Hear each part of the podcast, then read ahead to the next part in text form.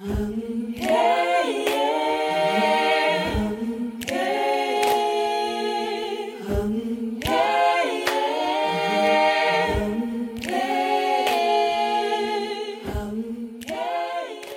lytter til Kan Venus synge?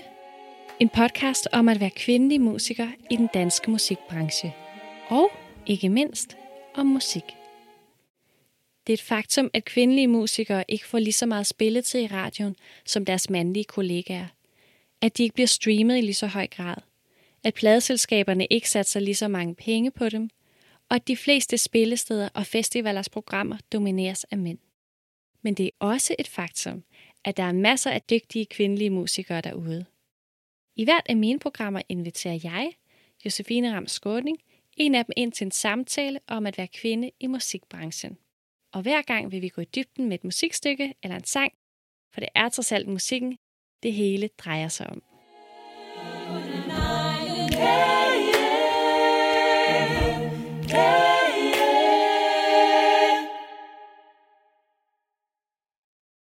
Velkommen til Cavino Synge. Det er med mig, Josefine Ram Skåning, og i dag har jeg Julie Møller Christiansen inde som gæst, også kendt som Gro.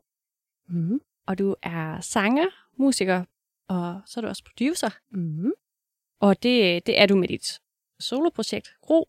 Og så er du også forsanger i We Are The Way For The Cosmos To Know Itself. Sådan. Vil du ikke uh, fortælle lidt om dig selv og sådan din vej ind i musikken?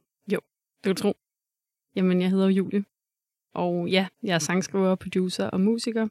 Og lige nu arbejder jeg jo primært under det her kunstnernavn Gro, som på en eller anden måde fungerer som en slags sådan, øhm, opsummering af, hvem jeg ligesom er som kunstner og musiker. Og sådan ligesom også min rejse igennem musikken.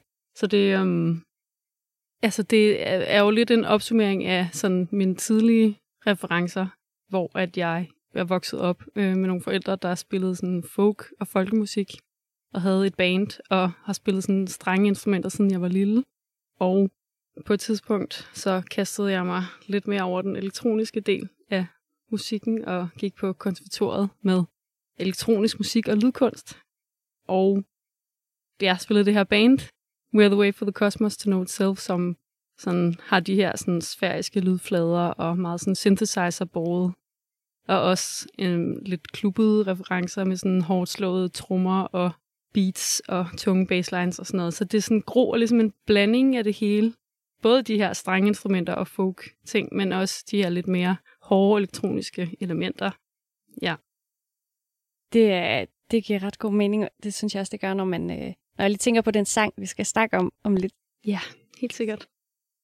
Hvorfor valgte du kunstnernavnet Grå? Jamen, det gjorde jeg simpelthen, fordi jeg jo i en årrække har spillet det her elektroniske musik kun. Og så lige pludselig fik jeg bare lyst til at dykke ned i, i det her fukkede univers igen. Øhm, og jeg tror, det hang lidt sammen med, at jeg besluttede mig for at sådan bearbejde det her med, at jeg mistede min mor. Og ligesom fik lyst til at faktisk egentlig sådan isolere mig lidt i min lejlighed og kigge på billeder af hende og høre de her plader, hun hørte og min far hørte, da de var unge. Øh, med det her sådan, sådan psykedeliske folk-univers. og så, øhm, så fik jeg lidt lyst til at bygge noget op med det, og jeg synes, at det lød sådan, sådan lidt nordisk på en eller anden måde. Sådan, den her blanding af det her strenge instrument noget, og så det her sådan noget diset, elektronisk, sfæriske, som jeg så tænkte, fordi jeg har altid godt kunne lide navnet Gro. Jeg ville ønske, jeg hed det. Men, øhm, og jeg, ja, så stødte jeg på det igen faktisk, da jeg var på Island for sådan to år siden, hvor jeg læste en islandsk saga, som hedder The Spell of Gro. Ja. Øhm, som jamen, faktisk handlede om sådan en, en mor, som blev kaldt tilbage fra de døde faktisk, for at kaste en sådan spot om over sin søn. Ja. Sådan beskyttende spot om. Jeg synes bare, det passede helt perfekt med temaet, og sådan det, jeg gik og tænkte på, og klangen af musikken, jeg lavede, og så synes jeg bare, at det skulle hedde Gro. Ja. Det giver virkelig god mening. Det er det virkelig øhm, pudsigt, at du faldet over den saga. Virkelig underligt. Ja. Så velvalgt kunstnerne. yes, for en gang skyld. Ja. det er fedt. Ja. tit, når du optræder, så gør du det jo lidt som sådan en one-woman army, hvor du står alene med en masse elektronisk udstyr og harper og strengeinstrumenter og hvad du ellers har med. Mm.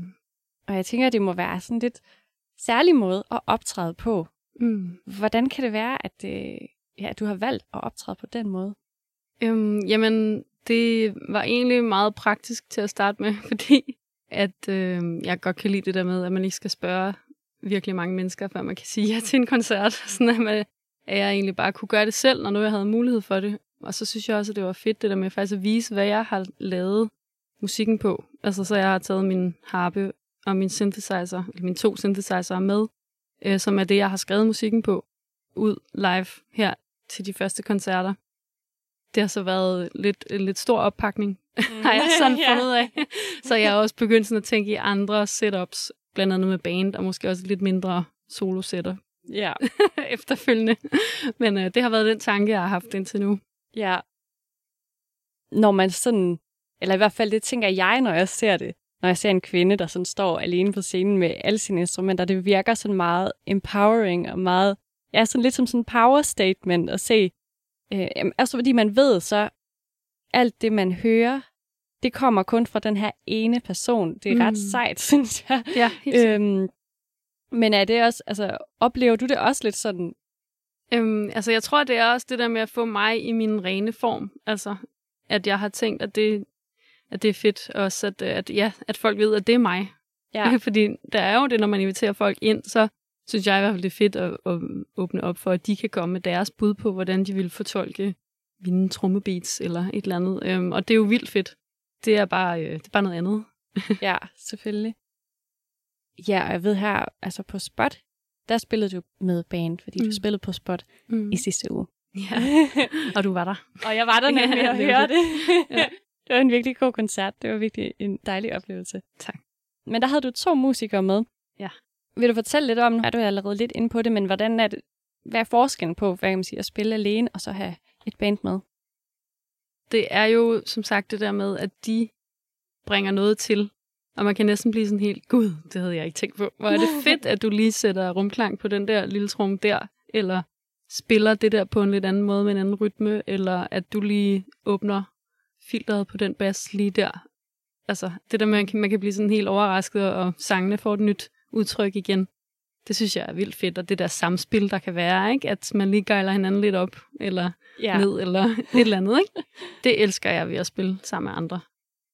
Ja, og altså, det der med at være alene, og nogle gange kan det også være sådan, der er, der er jo noget fordybelse, ikke? Sådan, hvor man virkelig bare er alene med sine tekster og med, med sine tanker, som kan være fedt. Men det der med at spille med band, det kan jo også være, altså det var også grunden til, at jeg lidt gjorde det, var, at jeg også kunne være mere til stede faktisk øh, med publikum, og kunne kigge mig i øjnene, og ligesom også kunne bruge min krop som et instrument. Så nogle gange, når man står sådan med, hvis man skal spille synthesizer hele tiden, eller bass hele tiden, eller andet, så er man jo meget sådan bundet ved at skulle ligesom øh, spille det. Og så kan man ikke sådan i hvert fald danse rundt, eller udtrykke sig sådan på den måde der. Så det synes jeg bare var vildt fedt at kunne slippe ansvaret lidt, ikke? og også lade bandet lidt skifte numre, så jeg ikke sådan skulle tænke på det mellem numrene, og altså, sådan, så jeg ligesom kunne slappe lidt mere af. Og det synes jeg var rigtig fedt. Det kan jeg godt forstå. Jeg synes, det virker lidt som om, der er sådan en bølge lige for tiden af kvinder, der spiller ja, altså alene, eller sådan optræder alene. Mm. Der er selvfølgelig lydmor, men der er også sådan en som Pil, der har vundet karrierekanonen mm. Mm. i år, der også har gjort det. Er det også din opfattelse, at der er sådan nogle stykker af jer lige nu? Det kan da godt være, at vi inspirerer hinanden, eller sådan ubevidst. Jeg tror helt klart, der er sådan en, at hvis man ser en, øhm, en sej kvinde, så får man jo lyst til også at være sådan, gud, det kan man da også. Selvfølgelig kan da det. Altså Ja. sådan, behøver ikke stå med et band, og altså sådan, man, man kan da sagtens gøre det selv. Så det er der da helt sikkert, men jeg tror også bare, at det er, hvis det giver mening, at man kan. Altså, så Mm. hvorfor ikke gøre det? ja, Spille det hele. og det er jo heller ikke, altså I spiller jo overhovedet ikke det samme musik, men Nej. det er mere sådan setup'et. Ja. Jeg tror også, du har ret i, at der er selvfølgelig også noget i nu, at det overhovedet er muligt, altså teknologisk og alt muligt, at man kan skabe så meget lyd selv Ja. nu også. Jo. Måske det bare det kan også være, at der er mange mænd, der gør det, hvor jeg ikke har tænkt over det. ja. Altså, der er James Blake helt klart. For eksempel, jo. øhm, som, som har gjort det meget, ikke? Og sådan Ja. noget. Bon Iver og sådan noget. Men øhm, Jeg ved ikke, om det er bare, fordi jeg føler, at det er noget nyt, at det nu er kvinder også. ja, Eller om der er sådan, om det er også bare fordi, at jeg sådan har meget fokus på kvinder i musik lige nu. Jamen, det er det. Nogle gange har man nogle briller på, men der er helt klart fokus på kvinder i musik, især i Danmark, ikke? Og Jo. Det, øhm, det bliver jeg i hvert fald også. Jeg synes, det er så rart at have fået, fået nogle søstre, der bakker hinanden op og sådan. Helt sikkert, det kan jeg godt forstå. Du producerer også selv din musik. Og vil du måske ikke lige forklare først, hvad producere egentlig betyder, når det har med, med musik at gøre? Det kan jo betyde lidt forskellige ting. Altså for mig, der, der betyder det øhm, det med, at der er en, der ligesom har, øh, har overblik over, hvad der skal ind i computeren. Det betyder måske at optage noget, eller at, at lave noget, og sætte det sammen ind i et computerprogram. Og have ansvaret for, at det lyder godt. for nogle gange kan man godt trykke optag på et eller andet band, og så lyder det måske faktisk bare prut, sådan lige til at starte med. Og så er man sådan, hmm, skal den der elgitar skiftes ud med en, en akustisk? Øh, er det det, der lige gør, at udtrykket bliver noget, noget andet, eller lyder lidt mindre, eller skal der et plugin på, eller skal vi prøve, at du stiller dig ind i badeværelset, og du stiller dig ud på en mark, og, og så giver det et udtryk, eller sådan, at man ligesom prøver at tænke lidt kreativt, hvis der er noget, der ikke lige virker til at starte med, så måske lige sådan tænke, hvad, hvad man kan gøre. Mm. Så det er det, det, det, det betyder. Øhm, der er jo også lidt stor fokus på det med, med kvinder og producere og sådan noget. Jeg kan godt blive sådan lidt sådan øhm, provokeret nogle gange, når folk er sådan, øhm, amen, at det skal være en mastermind, at man ligesom skal være den, der har produceret det, eller sådan, Mm. hvor jeg nogle gange godt kan være sådan, at, at man, altså jeg synes, det er fedt at være også mange, altså at trække på andres evner, og, og hvis jeg lige sådan har siddet med det i lang tid, og sådan, åh, det irriterer mig, så hæve en ind, eller sådan, at man ikke behøver at være sådan en mastermind, som sidder og har lavet det hele, eller sådan. Jeg synes også, at det godt lidt producerfaget godt kan være for mig noget, hvor man bare har overblikket, og så tænker man, jeg tror, at jeg er gået lidt i stå med det her, nu putter jeg det over til hende her, eller ham her, øhm, og nu kan de gøre det færdigt, eller jeg tror, det har brug for det her, eller det her, eller sådan, ja, hvor jeg godt kan blive sådan, at der er meget fokus på hende der, hun har lavet det der, men har hun lavet det helt selv, og altså sådan, ja, hun godt kan blive lidt bedømt, og det, det synes jeg er sådan, det er jo irrelevant nogle gange, for det er jo bare, lyder det godt eller ej, og altså, har det været en, en proces, som er nice. Det er sådan noget, der, der betyder noget for mig, at jeg ligesom ikke har siddet og været sådan helt sur på det. at det ligesom er, er blevet til med en, med en god proces. Ja. Det er også vigtigt for mig. Det giver god mening, og, øh, og du har, jeg synes, du har ret i, er meget den der med, både sådan, okay, har musikeren lavet det selv, mm. øh, fordi det, det ved jeg ikke, det, det bliver bare opfattet som bedst. mm. Og også, jeg synes også, som, altså du har også ret i, at produceren har også på en eller anden måde fået sådan en lidt sådan særlig rolle. På en eller anden måde ligger der meget prestige i det. Man har jo også sidste ord, fordi man sidder med, med knapperne, ikke? Og Mm. altså, så kan folk sige nok så meget, men det er jo en, der sidder med, med musen, ikke? Og det er jo også det, der er så fedt ved så at, at tage den selv. Jeg synes faktisk, at, at alle burde gøre det. alle, der er med i et eller andet band, burde faktisk prøve at sidde med det, ikke? Sådan, så man ved, hvad man kommunikerer, når man siger øh, noget. Ja. og man sidder der, og det er måske sidste dag, man har det her studie, og man sidder med den her producer, som skal gøre et eller andet, og så siger man, kan du ikke lave det, kan det ikke lyde lidt mere af, det ikke, et eller andet, som er helt urealistisk. Altså sådan, ja. Ja. at man ligesom ved, hvad det, hvad det vil sige at sidde med den mus der, og, og prøve at få et, et produkt, som når så langt som overhovedet muligt, så man ligesom kan kommunikere, hvad man vil have. Er det også øh, er det grunden til, at du også producerer selv? fuldstændig. Jeg nåede til et punkt, hvor jeg var sådan, altså, hvor- hvordan kan jeg ligesom øhm, gøre det, som jeg vil have det? Altså, så Mm. bliver jeg nødt til bare at gøre det. Og det var derfor, at jeg også bare gik all in på det, og, og, og prøvede at blive, blive god til at gøre det selv. Også med, faktisk med det visuelle, at nogle gange så nåede jeg til et eller andet punkt med nogen, hvor jeg var sådan, det er ikke lige det, det er ikke det, jeg vil have, desværre. Eller sådan, så må jeg jo bare gøre det selv, må jeg sætte mig ned med, med et klippeprogram og nogle, nogle clips, og så selv prøve at lave det, jeg vil have. Ikke? Altså, det er jo bare, det er bare sådan, det, den, det går, hvis man gerne vil have det præcis, som man vil. Ikke? Ja. Det lyder som et kæmpe arbejde. Det er det også. Og jeg ved, eller jeg lagde mærke til, at du spiller også de fleste instrumenter på, øh, dit kommende album. Ja. Så du har virkelig, du har virkelig været med altså ind over det hele, virker det som om. Ja, fuldstændig. Nu øh, kom vi lige kort ind på dit album, eller nævnte, at du har et øh, debutalbum på vej. Ja. Ja, Kolumna. Lige præcis. Vil du fortælle lidt om det? Ja. Øhm, jamen, det, øh, det repræsenterer jo den her periode, hvor jeg sådan ligesom fik lyst til at, at sætte rigtig ord på, hvad der egentlig er sket. Øhm, for der skete jo noget lidt vildt for mig, at jeg altså, mistede min mor på en pludselig måde. Det var i 2012, jeg mistede hende, men det var først nu, jeg ligesom har sådan kunne sætte ord på det, tror jeg. Jeg tror virkelig, det, der går en overrække, hvor man er sådan lidt, uh, det er meget, meget sårbart. Men så, øhm, så fik jeg lyst til bare at gå all in og øh, sætte nogle ord på det. Og så kom der en masse sange ud, som, som ligesom beskriver øhm, på forskellige måder, hvordan det kan være at være sådan efterladt på den her lidt pludselige måde. Øhm, ja, der er jo for eksempel en sang, som, som handler om, at jeg, jeg ringede til hendes øh, telefon nogle gange for at høre hendes telefonsvar, og hendes stemme sådan lige til at starte med. Og der er en, der handler om det der med, at vi gik en tur i en skov, i den skov, hvor hun faktisk gjorde det nogle uger senere. Øhm, og men alle mulige forskellige tanker, øhm, der har været i mit hoved om, hvad, hvad det ligesom vil sige at, at miste en, og kunne acceptere det, eller ikke kunne. Og, altså, der er virkelig, virkelig mange sådan modstridende følelser i det.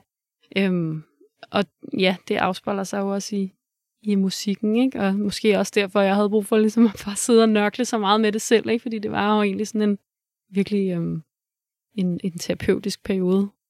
Ja. Øhm, ja, så det er det. Det er det, den handler om. Ja. Og øh, det giver virkelig god mening, synes jeg, at, øh, at det der, når det på en eller anden måde er så personligt et projekt for dig, at det så også er vigtigt, at det bliver præcis på den måde, som du gerne vil have det, og, mm. og du så derfor også har været så meget indover på alle parametre. Ja. Ja. Kolumner betyder søjle. Ja. Eller sådan rygsøjle. Det er jo det der med at ligesom... Altså hun repræsenterede jo meget det der øhm, sådan ubetinget kærlighed, ikke? Så det med at, øhm, at ligesom kunne bygge, bygge det op selv, ikke? Og sådan kunne, kunne have sådan et fundament af, af kærlighed, som man har til, til sig selv. At det ligesom er det, det bygger på os. Det giver god mening. Og du har i det hele taget på albumet, hvad jeg lige kunne se, er der flere sådan latinske betegnelser og nogle romertal på et tidspunkt. Er der en særlig grund til, at du har brugt det? Ja, det er faktisk nogle termer, som jeg har læst en milliard gange, fordi jeg, øh, jeg valgte også at ligesom tage en anden uddannelse til fysioterapeut, for ligesom at, at forstå kroppen. Det var meget vigtigt for mig. Jeg er virkelig begyndt at gå meget op i min krop og mit helbred. Mm. og øhm, hvordan jeg ligesom holder mig, kan man sige, på den, på den gode side af, af det. Ja. Så det er en slags, øhm, også en måde at få den side af mig ind, med alle de her anatomiske betegnelser. Ja. For mig, som ikke sådan rigtig har ved noget om anatomi, så virker det næsten som sådan lidt et kodesprog. Der er sådan noget lidt mystisk over det, når der kommer alle de der latinske betegnelser. Jeg kunne jo også kalde den rygsøjle, ikke? men det er nok ikke det mest poetiske. Nej. Nej. Kolumner lyder flottere. den sang, vi skal snakke om, hedder One, Two, Three, Four. Og den udkom som single her den 10. september. Yes. Og der var en grund til, at det var netop den dag, den kom ud. Ja. Jamen altså, det er jo lidt blevet en, en ting for mig, tror mm. jeg, at, øh, at snakke om det her selvmord noget, øh, og selvmordsforebyggelse, fordi jeg synes, at det er vigtigt. Det er faktisk et rimelig stort sådan, samfundsproblem. Der er faktisk to, cirka to, der begår selvmord hver dag, øh, og 20, der forsøger. Så det er sådan, det er noget, som, som er øh, et problem. Så jeg, altså, jeg tror egentlig bare, at, øh, at det så betød for mig, at jeg egentlig gerne ville markere den dag, fordi at det er international øh, selvmordsforebyggelsesdag. Og, og ligesom, ja, stå frem med en sang og fortælle om, hvordan det kan være, fordi det, det er et tabu og noget, som folk ligesom helst ikke snakker om, mm. øhm, men som faktisk er noget for, for dem, der er både selvmordstroede og pårørende og efterladte, faktisk er noget, som er, der er brug for at snakke om.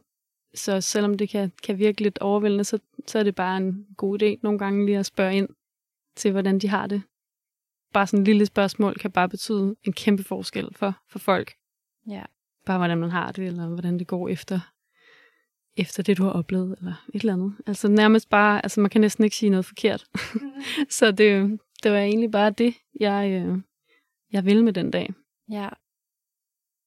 Det er jo virkelig en smuk, smuk tanke og idé, synes jeg. Og øh, jeg tænker, det er jo også øh, noget af det, man også kan bruge musik og kunst til. Det er jo også netop at begynde at tale om tabuer, eller sætte fokus på nogle emner, som, mm. øh, som ellers ikke måske bliver talt om. Mm. Ja. Ja, og øh, altså jeg tænker, det særlige ved musik er jo også, at det netop kan, kan tale til os på en mere sådan emotionel måde og vække nogle, ja, vække nogle følelser eller nogle, nogle tanker i os. Så på den måde, så synes jeg også, det giver helt vildt god mening, mm. at det kan være med til måske at komplementere sådan tal og statistikker, som ikke nødvendigvis rammer os. Nej, det er det. Ja, jo, ja. det har du ret i. Jeg synes, vi skal høre sangen, ved mindre der er noget, du lige vil tilføje her, inden vi sætter den på. Nej, jeg synes bare, vi skal høre den. Ja.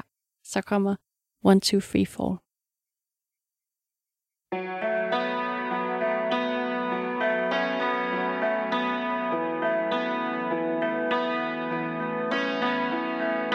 If I knew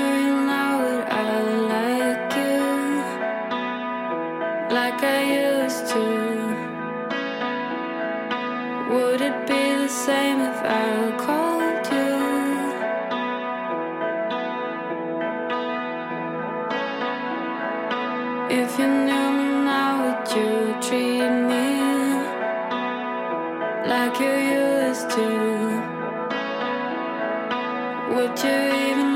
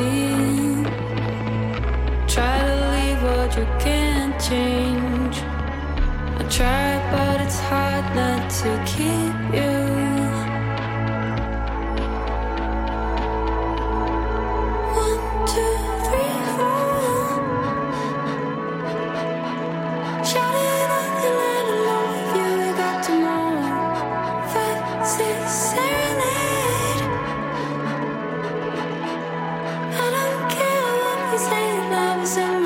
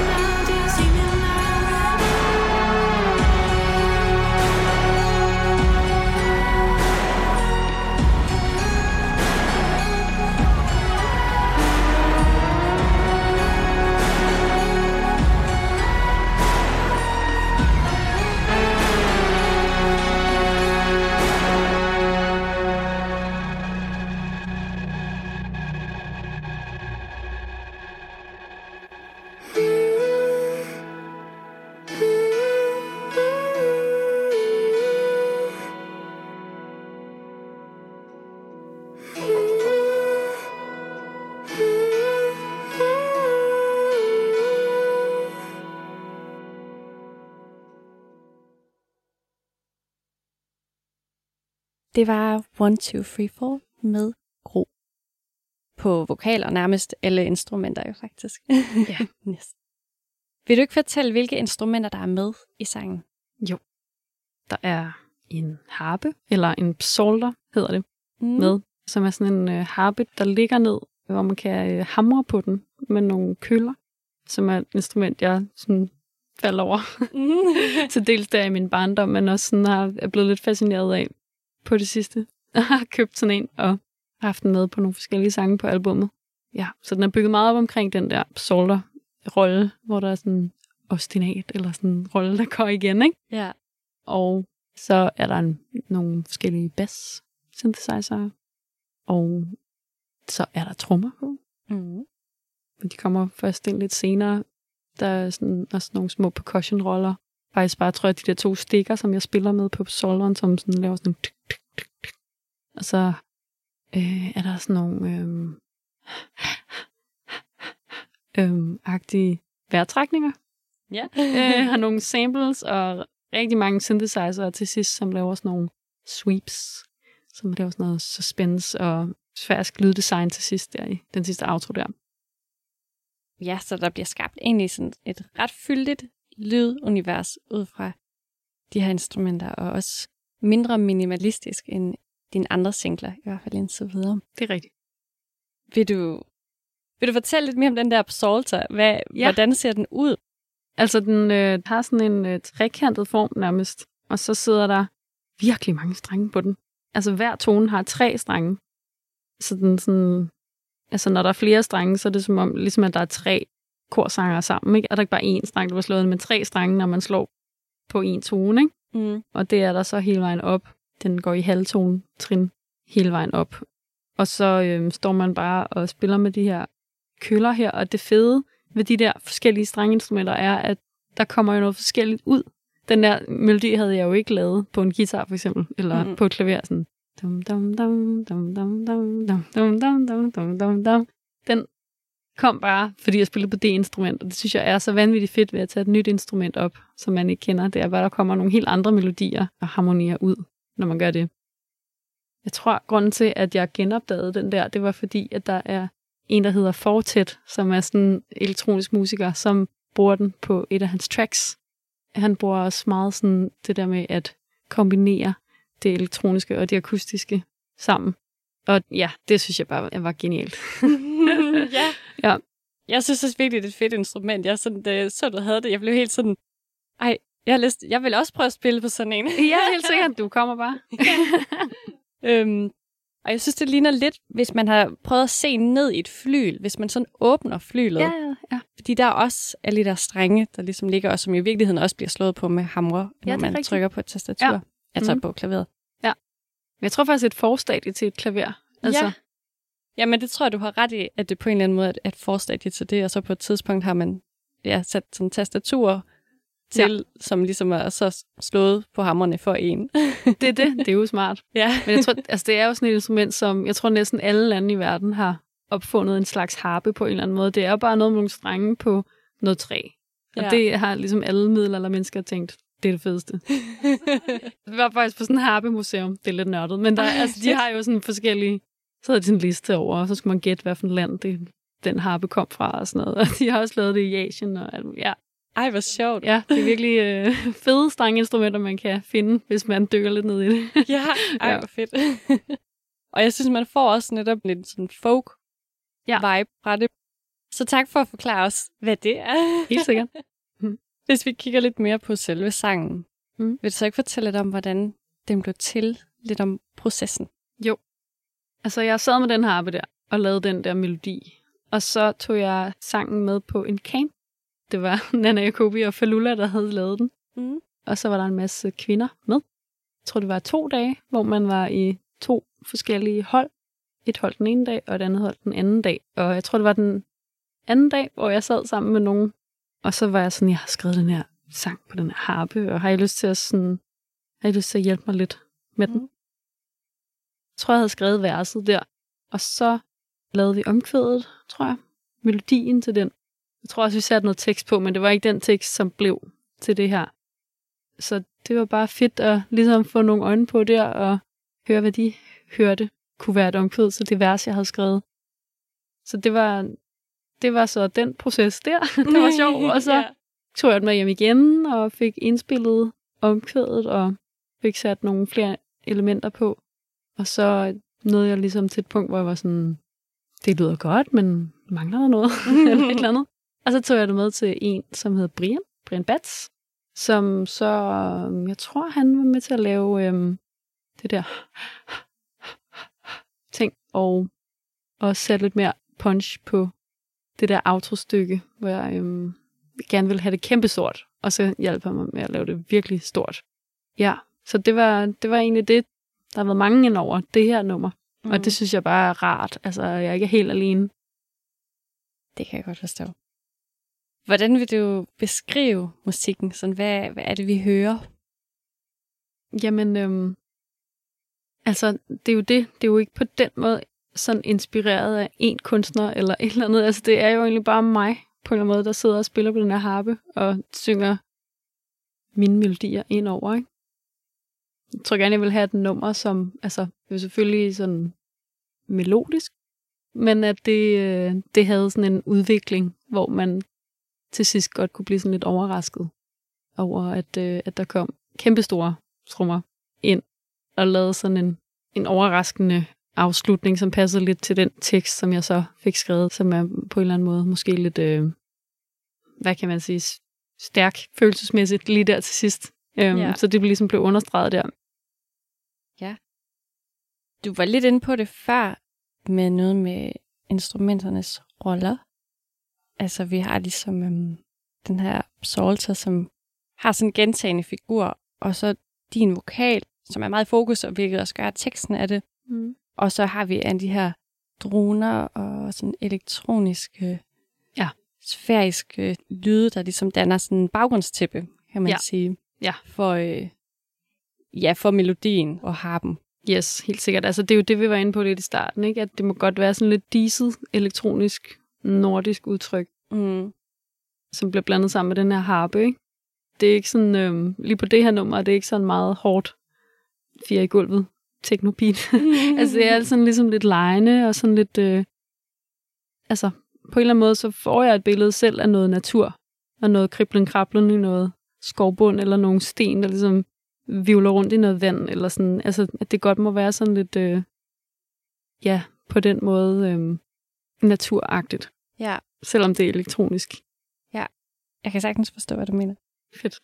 Og så synes jeg også, øh, at melodien på en eller anden måde bliver en kontrast til, til alt det her, ja, som du siger, sådan diset, det synes jeg er et meget godt ord for det, sådan med det her elektroniske, som netop er sådan lidt uhåndgribeligt på en eller anden måde, og sådan flydende eller svævende, hvor melodien er mere sådan enkel og lige på tonerne, og har mm. også en enkel rytme. Det bliver noget lidt mere konkret, man så kan holde fast i undervejs, og så med alt det her svævende diset ja. bagved. Helt sikkert. Og det blev også til på en meget lejende måde, det der elektroniske. Altså, at man lige optager et eller andet jam mm. med en analog modular synthesizer, eller man kører et eller andet sample ind og så ligger og leger med det. Det bliver jo ikke til på den måde, at jeg står med et band, som spiller trommer og guitar og bas. Det er jo på den måde meget sådan undersøgende, at jeg sidder med en eller anden lyd inde i computeren, og, og lige, hov, nu passer den meget godt der, og så kan vi putte noget delay på den, eller sådan. Mm. Sjovt, jeg har også nogle gange tænkt på, sådan, hvordan man vinder på, hvis man kan sige det sådan, alle de der elektroniske lyde, fordi det er jo ikke nødvendigvis er noget, man det kan man måske godt, men det er ikke nødvendigvis noget, man sådan kan forestille sig, eller sådan tænke, her der skal lige være den her susende et eller andet, eller sådan på samme måde, som man måske er vant til at tænke sådan, her der passer en guitar godt ind. Det er på den måde meget, at man, man prøver sig frem. Eller det, man kan jo også godt, man vil gerne sige, at man har tænkt det hele på forhånd, eller sådan, men der er jo selvfølgelig mange gange, hvor man lige står og sætter det hele på, og så jammer ind over det, der er der i forvejen, og sådan, hvis der mangler nogle trommer, hvordan kan vi så gøre det? Og jeg kan godt lide, at det faktisk altså arbejder faktisk meget med hardware. Altså, og hardware, det er jo så en synthesizer, eller altså noget, som er fysisk. Altså, jeg ikke sidder med musen hele tiden. At jeg sådan også kan stille mig op ved en synthesizer og ligesom undersøge, hvis vi sådan optager et eller andet forløb, hvor jeg står og jammer ind over det, så altså det ikke bliver på den der måde, det der meget sådan, øh, jeg sidder her med en mus og klikker mig frem og bruger nogle, jeg ved ikke, altså det, det bliver på en måde mere kropsligt for mig, hvis jeg sådan får lov til at jamme ind over det, end hvis jeg sidder sådan og bruger musen meget. Ja. Jeg ved ikke, om det giver mening. Jo, jo, det kan jeg godt forstå. Det kan godt være, at jeg så fejl her, men da jeg sad og kiggede lidt på sangen, altså jeg havde også lidt det indtryk, at den er ikke så akkordbaseret, fordi den netop er bygget op af nærmest to melodier, og så de her droner lyde i baggrunden. Ja. Det er måske også en ting for mig, eller især de seneste år, hvor jeg er blevet meget lydorienteret, og bygger det op omkring lydene, ikke? lyddesignet frem for en masse akkorder. Mm. Hvis vi kigger lidt på teksten, mm. hvad, hvad handler sangen om? Ja, men den handler om de her mange sådan forskellige og modsatrettede følelser, der kan være, når man så ligesom er blevet efterladt så pludseligt. Det er jo det der med, at man både gerne vil sige, at man har accepteret det, og sådan, at det måske var det for det bedste, at hun fik fred, eller at det øh, måske havde det været helt forfærdeligt nu, hvis det var blevet ved, eller et eller andet. Men på den anden side var hun også sådan, måske havde det været fantastisk nu, og hvor ville det have været fedt at have sin mor nu, og eller sådan, man hele tiden er sådan, prøver lidt at, at have en kamp med sig selv om, hvad der er rigtigt og forkert, ikke? Og, og mene omkring det. Og øhm, jamen det der med, at det ligesom, ja, om hvad man kunne have gjort. Om der var noget, man kunne have gjort for, ligesom, at det kunne have forløbet anderledes. Det tror jeg, at der er mange, der, der, der tænker over, ikke? At, øhm, jo. Når man bliver sådan, altså man er jo ikke lige med øh, lige op til i de tanker, der, der er der, ikke? Så ja, så det kan jo godt være en, en ting, der sidder og plager en lidt. Ja. Ja, ja, øh, ja. Øhm, det er meget tænker, dybt. håber det. Ja, ja, helt ja. sikkert. ja. Altså, jeg synes, det er en sang, som en tekst, der, der rummer meget som uvidshed på en eller anden måde, mm. og meget sådan, ja, altså mange spørgsmål, man bare ikke rigtig kan få svar på, og som man måske bare bliver nødt til selv at finde ud af, ja. hvad er så mit svar på det, eller, eller acceptere, at det bare er sådan, det er, at, mm. at der er nogle ting her, man aldrig finder ud af. Ja. Og, og det synes jeg især er noget, man sådan ser i, i versene, altså mærker den her uvidshed, mm. hvor du også netop stiller en masse spørgsmål. Mm. Men så i omkvædet, synes jeg, der kommer lidt mere sådan en form for sikkerhed eller trøst ind, hvor du også tænker, blandt andet, I don't care what they say, your love is in my veins. Så, mm. sådan, ja. så at man på en eller anden måde alligevel når frem til et eller andet, sådan, der er alt det her, jeg ikke ved, men det her er alligevel på en eller anden måde sikker på. Ja, det er jo det, der, der er med det, at det, der er også en masse fordomme forbundet med selvmord, ikke? Mm. Og folk er sådan, hvordan, altså, hvad var hun for et menneske og sådan noget, ikke? Men hun mm. var jo faktisk et meget, meget, meget kærligt menneske, og er også altså, grunden til, at jeg klarer mig, som jeg gør, ikke? at jeg har hele den ballast fra min barndom, hvor hun har været virkelig kærlig og fantastisk. Ikke? Så, så på den måde, så øhm, er det jo ja, lidt, lidt ærgerligt, at det skulle gå sådan for hende. Mm. Så det er lidt det, der ligger i det. Der går en masse tanker igennem hovedet på en, hvad, øhm, hvordan jeg ligesom også selv kan, kan ruste mig til, hvis jeg skulle møde en livskrise. Hvordan kan jeg så komme igennem den? Hvad kan jeg ligesom lære af det her? Og også bevidstheden om, at der er en, en ende øh, for os alle sammen på et eller andet tidspunkt, så man kan lige så godt prøve at nyde livet nu, og prøve at være glad for de ting, der sker. Det er jo en, en ting, der, der tit øh, opstår, når man, når man mister nogen eller noget. At man ligesom bliver bevidst om, at man skal nyde det, ikke, mens det er der. Ja. Hvis vi går lidt mere specifikt ind i nogle af detaljerne i teksten. Ja. I omkvædet, Mm, mm. Der laver du, du det her, hvor du sådan tæller mm. one, two, three, four. Er der en grund til, at du har skrevet det på den måde? Ja, altså for det første er det jo et ordspil, ikke? I stedet for, at man tæller, så siger man one, two, three, four.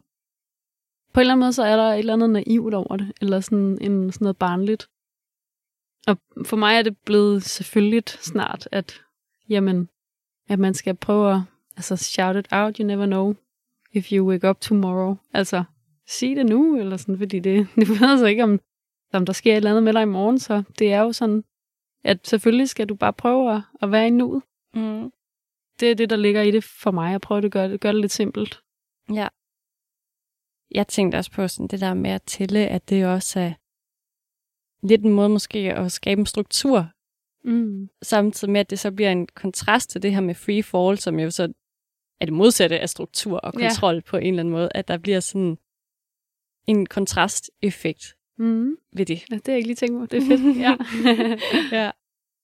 Og i omkvædet bruger du også, når du tæller videre, 5-6 serenade. mm. Er der en grund til, at du har brugt det ord, som jo sådan betyder sådan lidt aftenmusik eller nattemusik? Ja, altså jeg tror også, at det betyder sådan en slags kærlighedserklæring. Og det er jo en slags kærlighedserklæring til min mor, ikke? At jeg ligesom bruger noget tid på at få bearbejdet det her, og få tænkt på hende. Og altså ikke bare sådan, oh, nu må vi komme videre, og det er lidt svært at snakke om det her selvmord, eller sådan, men altså rent faktisk tage det lidt seriøst, ikke? Og prøve at finde ud af, hvad, det, hvad betyder det for mig? Mm. Og hvad, hvad betyder det at blive efterladt på den måde, og kan jeg måske hjælpe nogle andre også med at, at forstå det, sætte nogle ord på det? Mm. Ja, og du har helt ret i, at det også er sådan en form for kærlighedssang. Ja, Og det er også det, jeg tænkte var så fint ved, at du så havde brugt det ord. Og der var sådan flere ting, hvor jeg tænkte, det passede godt med det her ord. Fordi en serenade er også, i hvert fald i den her betydning, hvor det er en, en kærlighedssang, så er det ofte en, der, der synger og akkompagnerer sig selv, mm. hvilket du også gør ja. meget Ja, helt sikkert. i den her sang. Og tidligere var det også noget, der blev forbundet meget med en udendørs performance. Og i din musikvideo står du udenfor. Ja, er du god. Fedt. og sådan endnu tidligere, sådan i barokken og sådan tilbage i tiden, der var det også noget, tit noget, der blev skrevet som en hyldest til en person. Mm. Så ikke nødvendigvis en kærlighedssang, men, men en hyldest. Og så tænkte jeg, det gav det også lidt sådan et, et ekstra lag, eller en, fin betydning, at det kunne være en hyldest til din Mm. mor også. Ja, Ja. Jamen, det er godt set. du har jo skrevet teksten sammen med nogle andre. Mm. Jeg ved ikke, om det måske så var, fordi du var på den her camp, men, men vil du fortælle lidt om, hvordan I Ja. har gjort det? Altså, vi skrev jo noget af teksten. Jeg tror faktisk, vi skrev 1, 2, 3, 4. Altså linjen. Mm. Og snakkede lidt om, hvad det betød der på den camp. Men så var det... Altså, de var ikke sådan på den måde med lige der til sådan lige at snakke om selvmord der, tror jeg. Mm.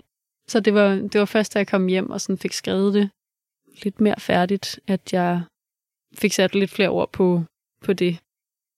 Så skete der faktisk det, at jeg gerne ville lave en live session med det, sammen med Greta faktisk. Mm. Fordi hun har også øh, sådan en fascination for harper. Og jamen, jeg ved ikke, hvorfor jeg lige havde lyst til at gøre det, før sangen overhovedet var færdig, men det fik jeg lyst til. Ja. Så jeg inviterede en fotograf og Greta, og havde ikke rigtig skrevet sangen færdig. Sådan. øh, og så, øhm, så sad jeg øvede med Greta, og så var jeg sådan, øh, jeg mangler jo nogle linjer til det her, og sådan noget, vil du lige hjælpe mig med det, eller sådan. Og jeg tror bare, at lige med den her sang havde jeg brug for det, altså sådan, for nogen med, eller sådan at, at snakke med. Jeg tror også, det var en mulighed for at altså, åbne op om emnet, og sådan, Ja.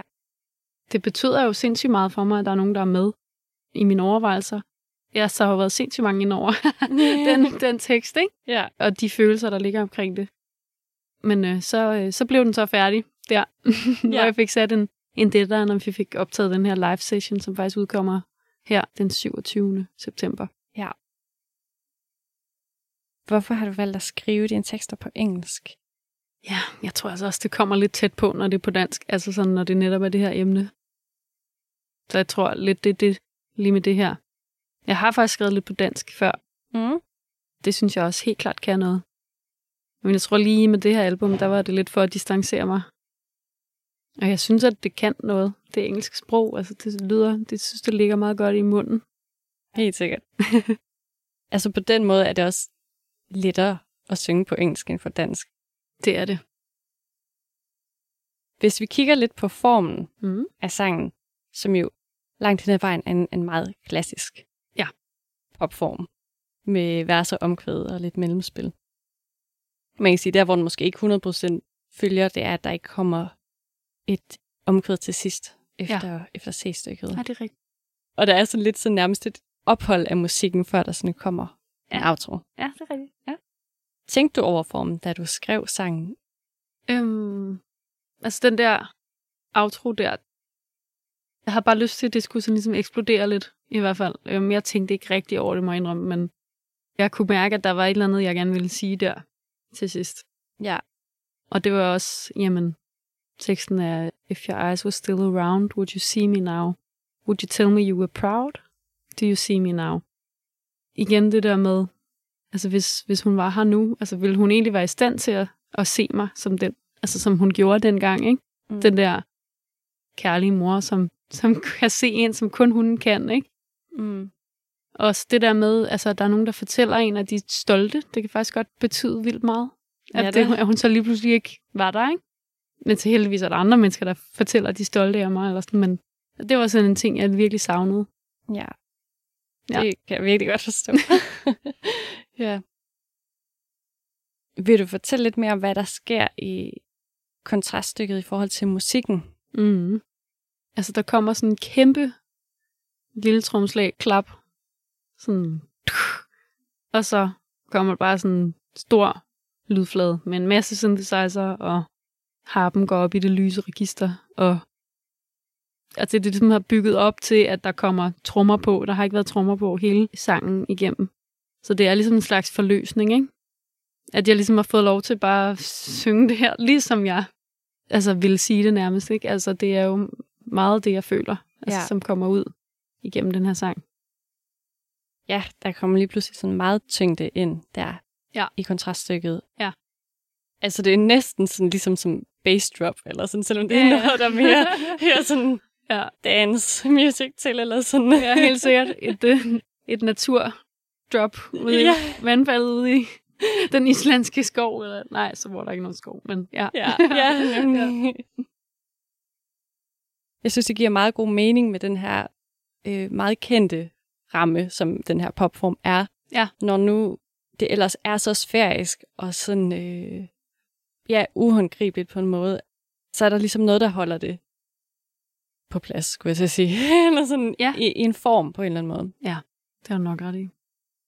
Og så slutter det jo meget, meget skrøbeligt med dig, der nynner melodien, og Solson kommer ind igen. Ja. Så vi vender ligesom tilbage til noget, vi kender.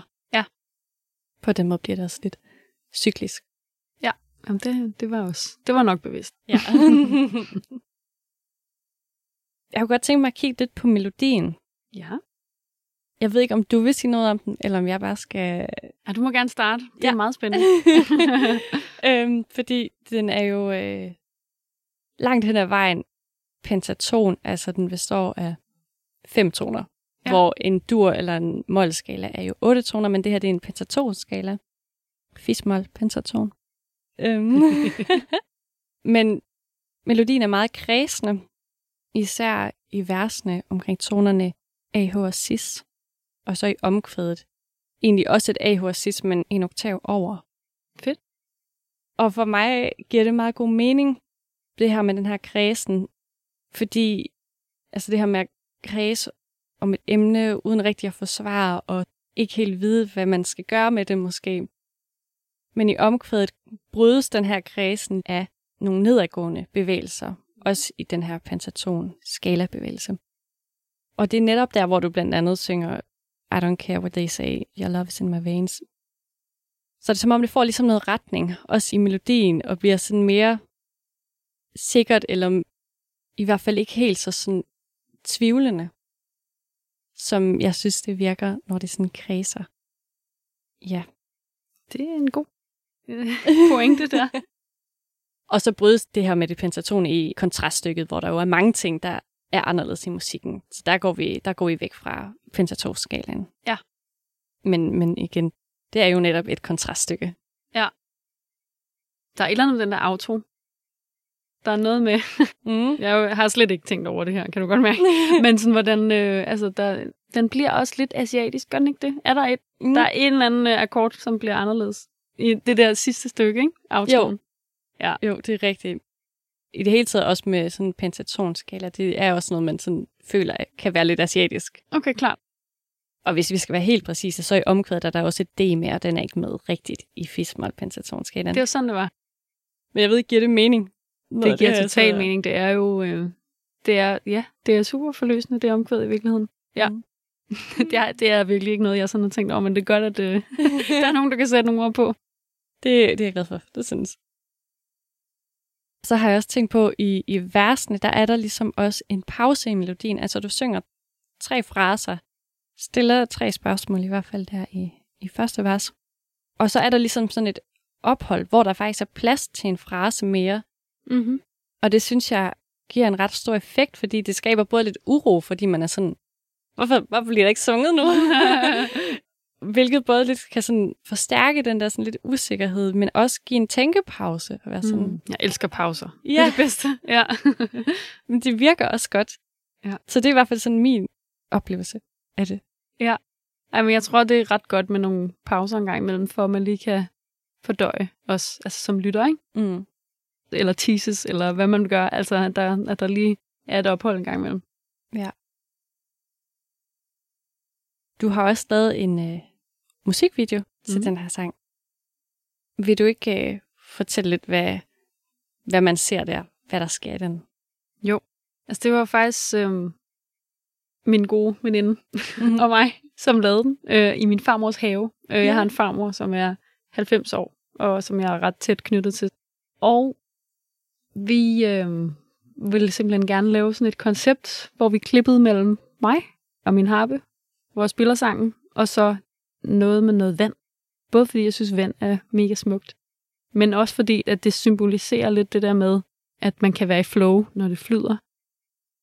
Vi har så filmet nogle vandglas, og det med, at de vælter, det får også symboliseret det lidt det der med, at tankerne og, og de her følelser, der kan være svære, for frit løb, når jeg får lov til dels at skrive min musik, men også når jeg snakker med folk om, hvad det, øh, hvad det betyder.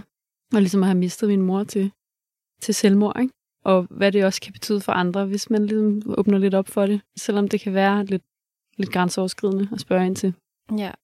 Så det er ligesom det, det, ja, det symboliserer det her klip mellem mig og så de her væltende vandglas. Ja. Det er en meget fin musikvideo, synes jeg. Nå, tak. du kan jo lidt fornemme på det hele, at det også har været folk, som jeg har følt mig virkelig tryg med, som jeg har lavet det med hele vejen igennem. Både på, på campen og jamen, øhm, Greta og hele det her. Sådan, øhm, altså det sådan, der har været nogle virkelig dejlige folk, som jeg har lavet det med, og, og hjemme i min farmors have med min veninde. Ikke? Altså det er ikke sådan, at jeg har stillet mig ud et eller andet sted med, altså, med nogen, jeg sådan slet ikke kender. Eller for mig har det været virkelig dejligt, en dejlig proces at lave den her sang, faktisk. Ja. Og virkelig altså, givet noget til mig, altså menneske og, og musiker, at lave den. Ikke? Um, så det synes jeg bare er, er rart. Ja. Det lyder som om, den er opstået i sådan et virkelig trygt rum. Det er den. Det er den. Tusind tak for at dele din historie og være så åben om ja, selvmord og din oplevelse. Det er jeg virkelig glad for, du havde lyst til. Jeg er glad for, at du inviterede mig ind. Det er godt. Hvis man gerne vil følge dig og din musik, hvor kan man så gøre det? Jamen, jeg tror, jeg er mest aktiv på Instagram og Facebook, hvor jeg har sin endelse, der hedder Sound of Gro. Så hvis man skriver instagram.com slash soundofgro, så kan man finde det. Eller facebook.com slash soundofgro. Ja. Tusind tak, fordi du vil være med, Julia Møller Christiansen eller Gro. Tak, Josefine. Og øh, også tak til dig, der har lyttet til programmet. Jeg hedder Josefine Ram Skåning, og det er mig, der står bag den her podcast. Jeg producerer, klipper osv. Musikken er lavet af Ditte Dupont og sunget af Luna Vocals, og grafikken er lavet af Christian Fodalsgaard Jensen.